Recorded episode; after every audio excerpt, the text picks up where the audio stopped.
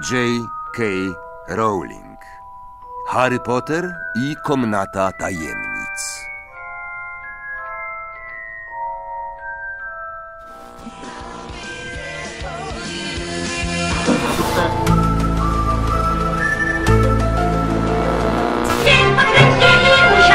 Here's Johnny. They're coming to get you, Barbara.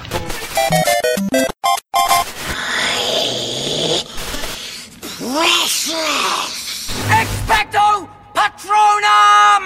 Look at me, Damien. Yippee-ki-yay, motherfucker. eherbata.pl Gonna be legend. Wait for it. It's a trap. Dairy. Legendary. Żarłok i Skóra i Mando, Jerry, Szymas. oraz nasi goście.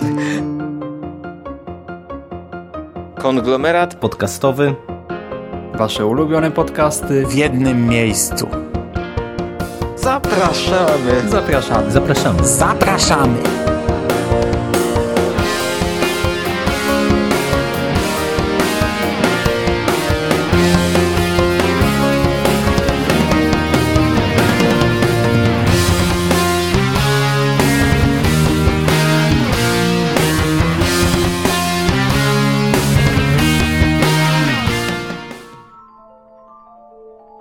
Witamy w konglomeracie podcastowym, czyli na platformie, która zbiera wszystkie wasze ulubione podcasty w jednym miejscu.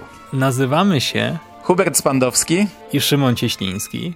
Możecie kojarzyć nas z podcastów Necropolitan i Radio SK. A dziś chcielibyśmy opowiedzieć wam o serii książek o Harrym Potterze.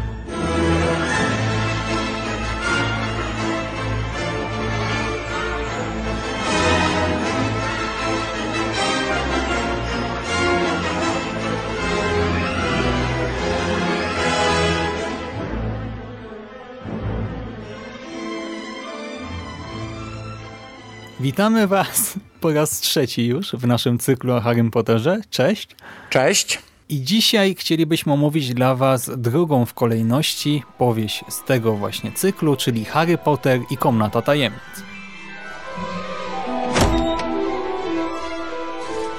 Harry Potter? Such an honor it is. Who are you? Dobby the House Elf. Harry Potter goes back to school, he will be in great danger. I smell blood. to Time to kill. Hogwarts is no longer safe. The Chamber of Secrets has been opened. Do you think there really is a Chamber of Secrets? Yes. Do you know anything about the Chamber of Secrets?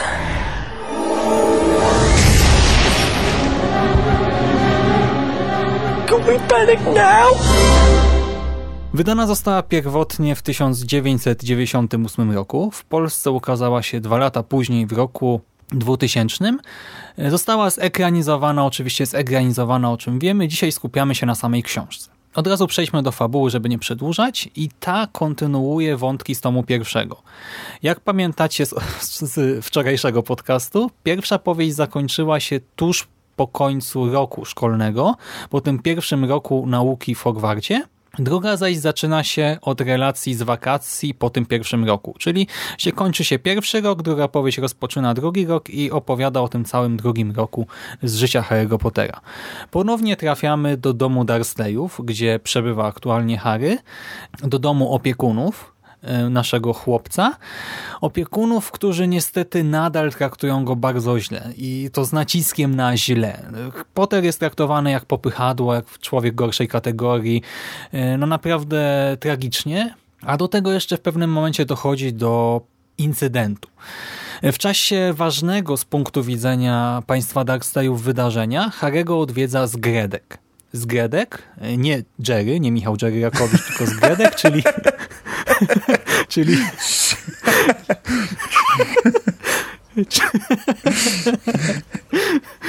czyli skrzat domowy, magiczna istota, która służy e, w domach bogatych rodów czarodziejów.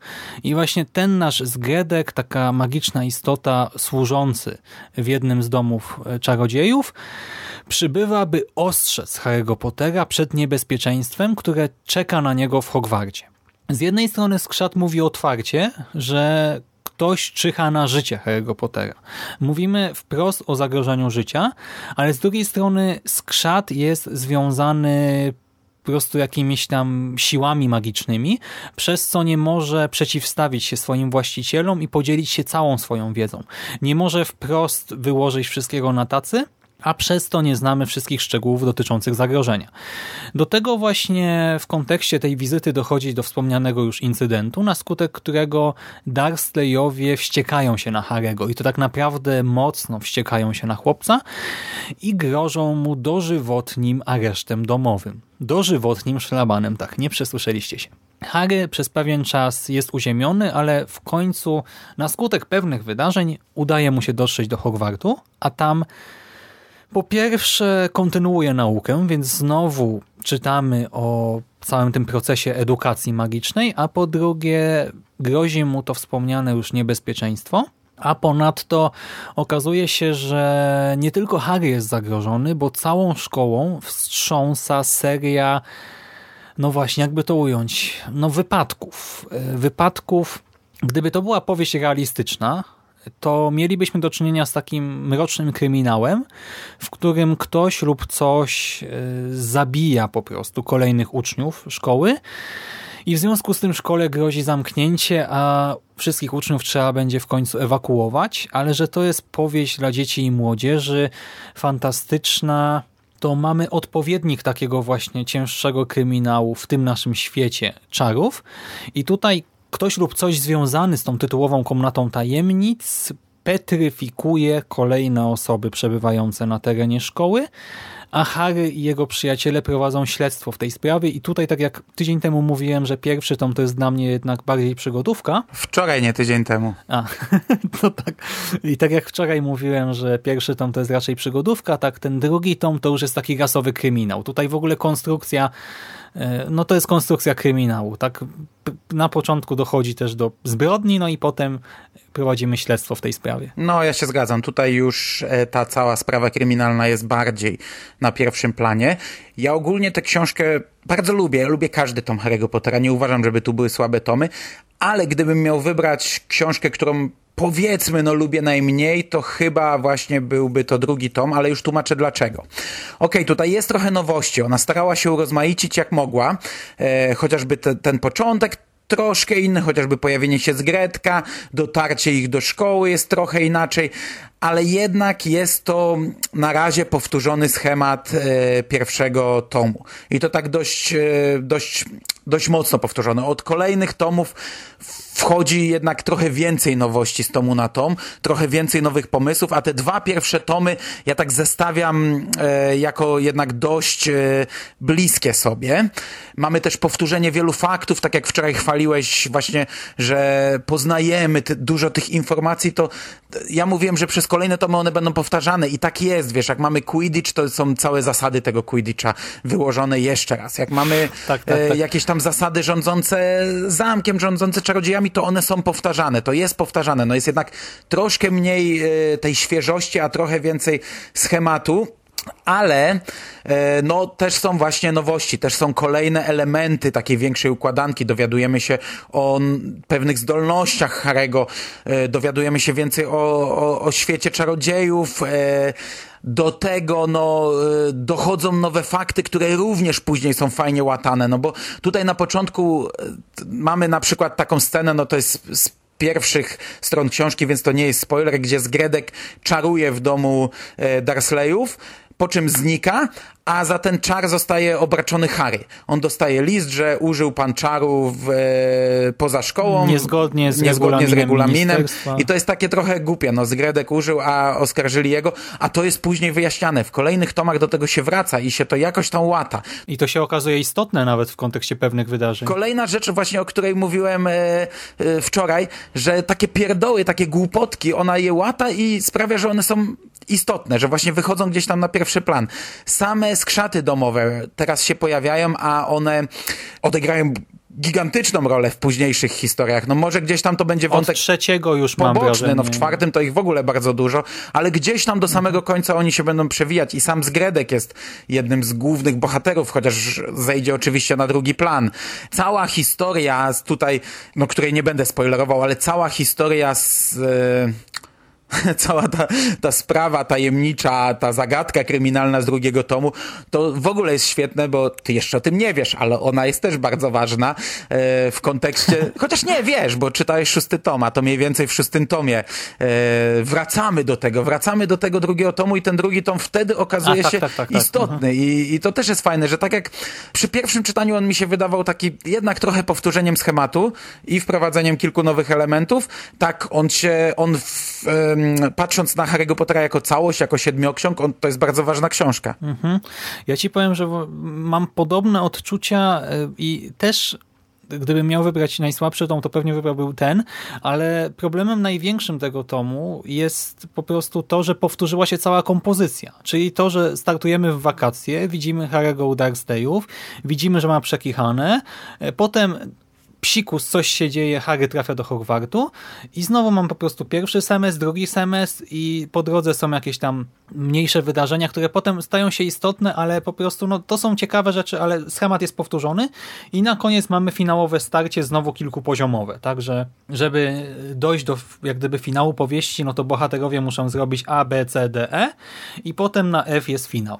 I pod tym względem y, to rzeczywiście ta powtarzalność uderza trochę w czytelnika, ale pomimo wszystko to nadal nie jest właśnie zła książka. Do tego y, właśnie to napięcie, to w jaki sposób Rowling y, przyciąga uwagę czytelnika, to cały czas się świetnie sprawdza, mam wrażenie. Pierwszy tom, jak już teraz, skoro słuchacie o drugim wiecie, zakończył się między innymi spotkaniem właśnie Pottera e, z tym, którego imienia nie wolno wymawiać, z Mrocznym Panem, Śmierciożercą, Lordem Voldem- Voldemortem, z tym najgroźniejszym czarnoksiężnikiem, pałającym się czarną magią i zakończenie pierwszego tomu było epickie, nie? No i tak sobie człowiek myśli, ciężko to będzie przeskoczyć, no bo skoro w pierwszym tomie już dochodzi do czegoś takiego, no to co może być w drugim? A się okazuje, że Rowling sobie z tym poradziła bez większego problemu i tutaj napięcie też sięga zenitu.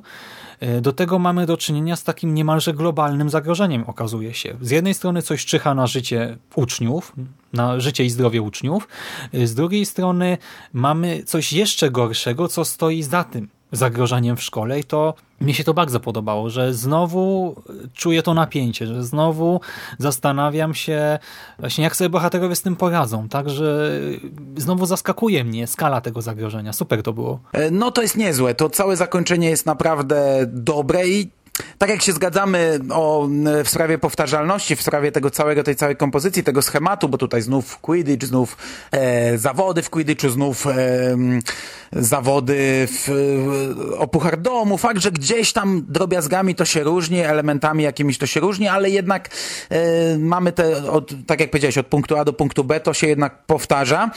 Tak, e, finał jest e, mocny, jest ciekawy, jest mocny, jest fajny i jest inny. Mhm. I co do tych powtórzeń musimy pamiętać o dwóch rzeczach. Po pierwsze, to jest tom, który ukazał się jednak tam rok później, czy coś takiego, nie? Po pierwszym. I zakładamy, że czytelnicy nie powtarzali tego pierwszego tuż przed lekturą drugiego, więc trzeba powtórzyć wiele informacji, zwłaszcza, że targetem są jednak osoby młode, które no niekoniecznie będą pamiętały wszystkie szczegóły przez rok, a tym bardziej, jeżeli ktoś sobie zrobi dłuższą przerwę, więc y, to jest jedna sprawa. Druga sprawa, takie powtórzenia w cyklach, mam wrażenie, że są rzeczą też w miarę normalną Tak, tak. zwyczajną w popularnej literaturze, a poza tym omawiałem na przykład na konglomeracie, nie wiem, Tożsamość Berna, czy Kod Leonarda da Vinci i tam w ramach jednej książki tylko te same informacje były wałkowane po tysiąckroć. Naprawdę, jak słyszałem tysięczny, no może nie, no nie tysięczny, ale nie wiem, dziewięćdziesiąty raz y, w Bernie y, Delta to Kain, Kain to Delta i bla bla bla, bla i cały czas to samo, to już naprawdę miałem tego dosyć. A tutaj y, nie miałem tego dosyć, po prostu byłem świadomy tego, że o, w tym momencie Rowling przypomina zasady Quidditcha, żeby potem w czasie meczu ludzie wiedzieli, co się dzieje. O, w tym momencie Rowling przypomina coś tam, żeby właśnie czytelnik się zorientował w sytuacji, czy w koneksjach właśnie między bohaterami, bo czasami też przypomina, że nie wiem, że to, są, że to jest rodzeństwo Rona, że to jest, są osoby z tego domu czy z tamtego i jak ja tego słuchałem tak tą potomie, no to rzeczywiście mi się to rzuca w uszy, ale tak sobie pomyślałem, że gdybym sobie zrobił przerwę, y, większą jakąś, czy przesłuchał jakieś inne audiobooki, bo akurat w audiobookach słuchałem teraz tylko Pottera.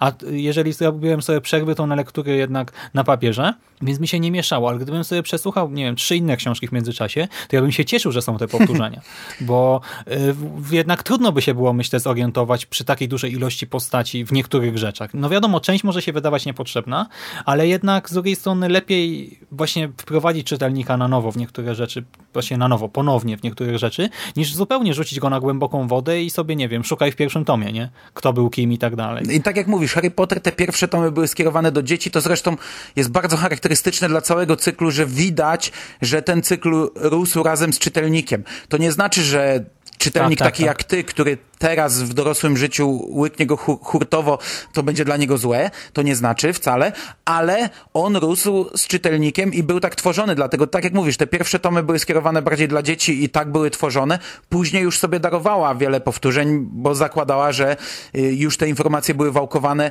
wcześniej. Poza tym jeszcze, wydaje mi się, że te pierwsze tomy są tak napisane, że można je czytać w oderwaniu od wcześniejszych, że ktoś mógłby chwycić za drugi tom bez znajomości pierwszego. Okej, no dostanie trochę spoilerów z tego pierwszego tomu, ale wydaje mi się, że taki dzieciak tam dziesięcioletni w tamtych czasach e, mógł e, tak zrobić. E, nie wiedzieć, że był jeszcze wcześniejszy tom i sięgnąć po ten drugi i czerpałby z tego doskonałą przyjemność, a właśnie miałby gdzieś tam w pigułce wyjaśnione takie elementarne rzeczy. Zresztą te pierwsze tomy tak się chyba zaczynały, popraw mnie jeśli się mylę, że on na początku sobie siedział i wspominał z pierwszego tomu, co Nie było. wszystko, ale Gdzieś tam w były- pigułce sobie przetwarzał e, rzeczy, które były. To tak jak na przykład, patrz, masz Mroczną Wieżę. W Mrocznej Wieży też King do czwartego tomu na początku dawał streszczenia e, poprzednich tomów. Chociaż uważam, że absolutnie bez sensem byłoby zaczynać od trzeciego tomu, ale on dawał streszczenie. W razie jakby ktoś sięgnął po trzeci tom.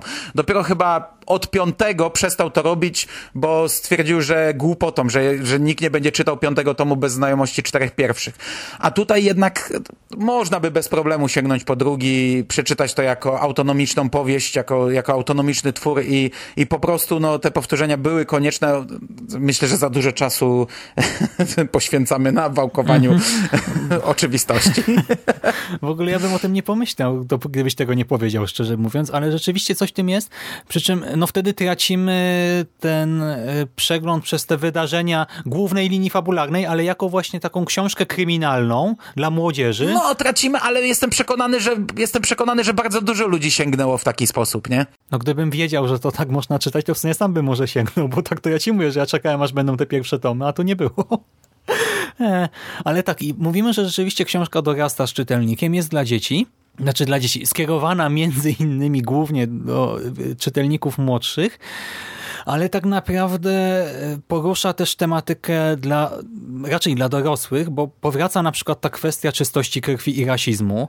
Tak jak mówiliśmy wczoraj, mamy osoby czystej krwi, mieszańce, czarodziejów pozbawionych mocy, osoby zupełnie niemagiczne i tak dalej, i tak dalej. Mamy też skrzaty domowe. Mówiliśmy, że pojawiają się te skrzaty domowe, czyli niewolnicy zwyczajnie czarodziejów, bo skrzat domowy jest w 100% zależny od swojego pana, musi wykonywać wszystkie jego rozkazy, nawet jeżeli się z nimi nie zgadza, nawet jeżeli nienawidzi swojego pana, musi robić wszystko, co ten mu każe, a jeżeli w jakikolwiek sposób się mu sprzeciwi, to musi się karać. I to bardzo brutalnie karać, naprawdę sobie się okaleczać, nie wiem, wrzucić się w ogień, walić głową o ścianę.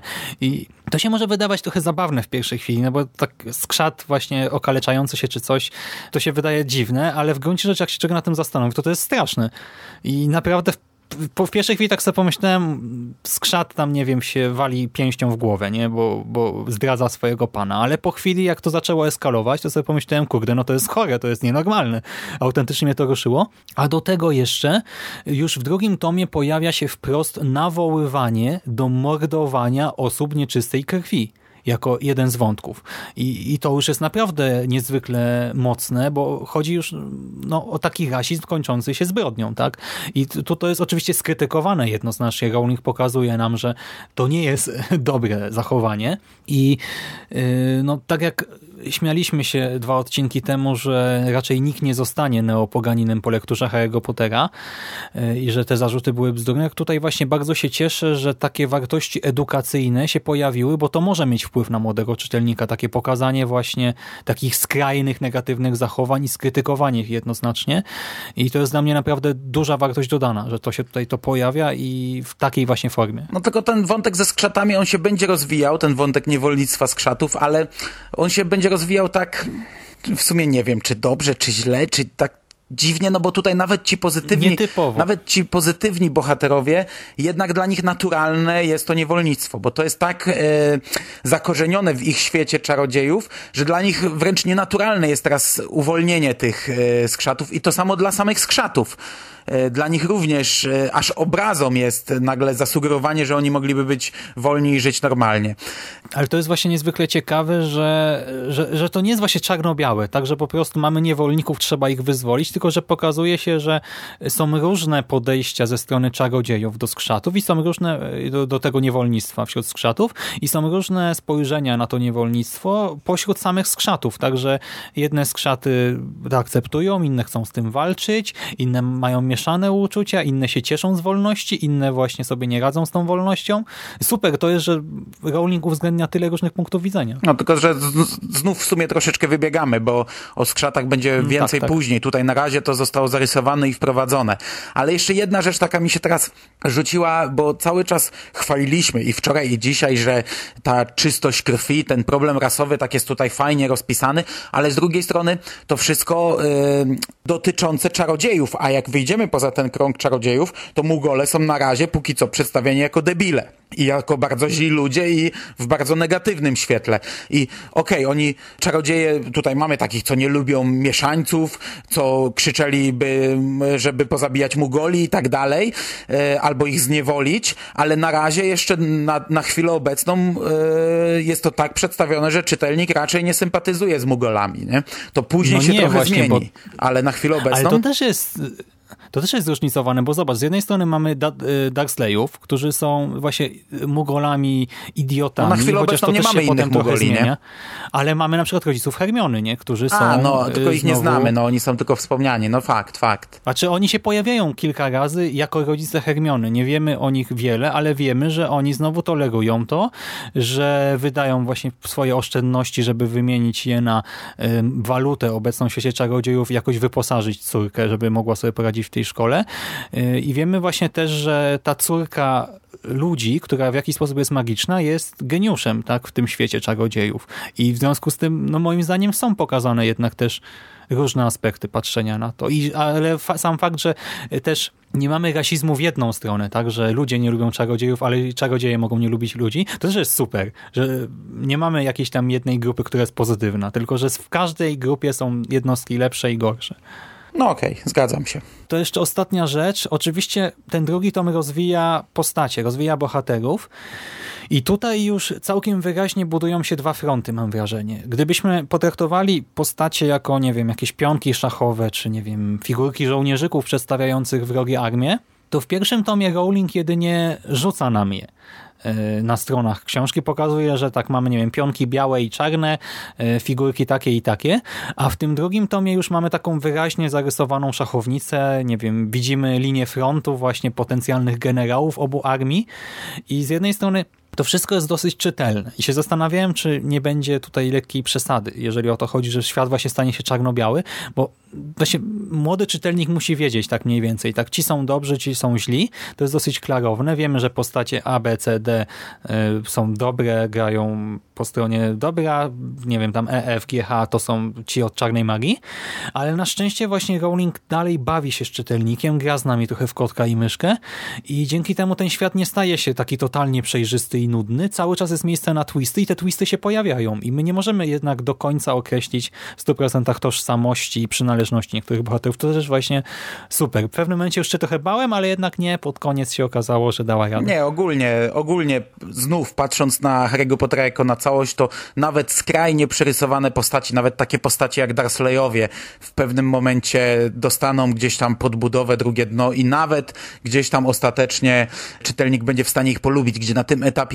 absolutnie no, nie, nie ma mowy o czymś takim, żeby ich polubić. Polubić, nie? zrozumieć, nie? Z różnymi bohaterami. No, tak to, to jest bywa, wszystko rozwijane, z tomu na tom to jest rozwijane. Motywacja się pojawia, tak. No dobrze, i to chyba wszystko na dzisiaj.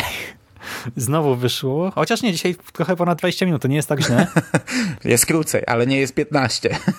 A od następnego tomu już zaczyna się zwiększanie dość spore objętości, bo te dwa tomy to były dość cieniutkie książki e, o zbliżonej objętości, a od trzeciego to już zaczyna rosnąć. Jeszcze trzeci może nie tak mocno, ale teraz możemy, możemy się spodziewać, że będziemy pewnie coraz, coraz dogłębniej omawiać te książki, szczególnie, że będziemy wracać gdzieś tam, odwoływać się do pewnych wydarzeń. Na razie to tylko odwołujemy się do przyszłych jakoś mgliście.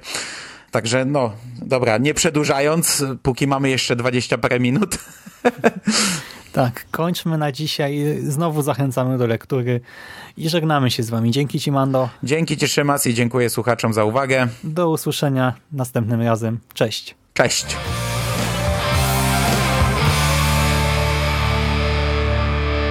You finished?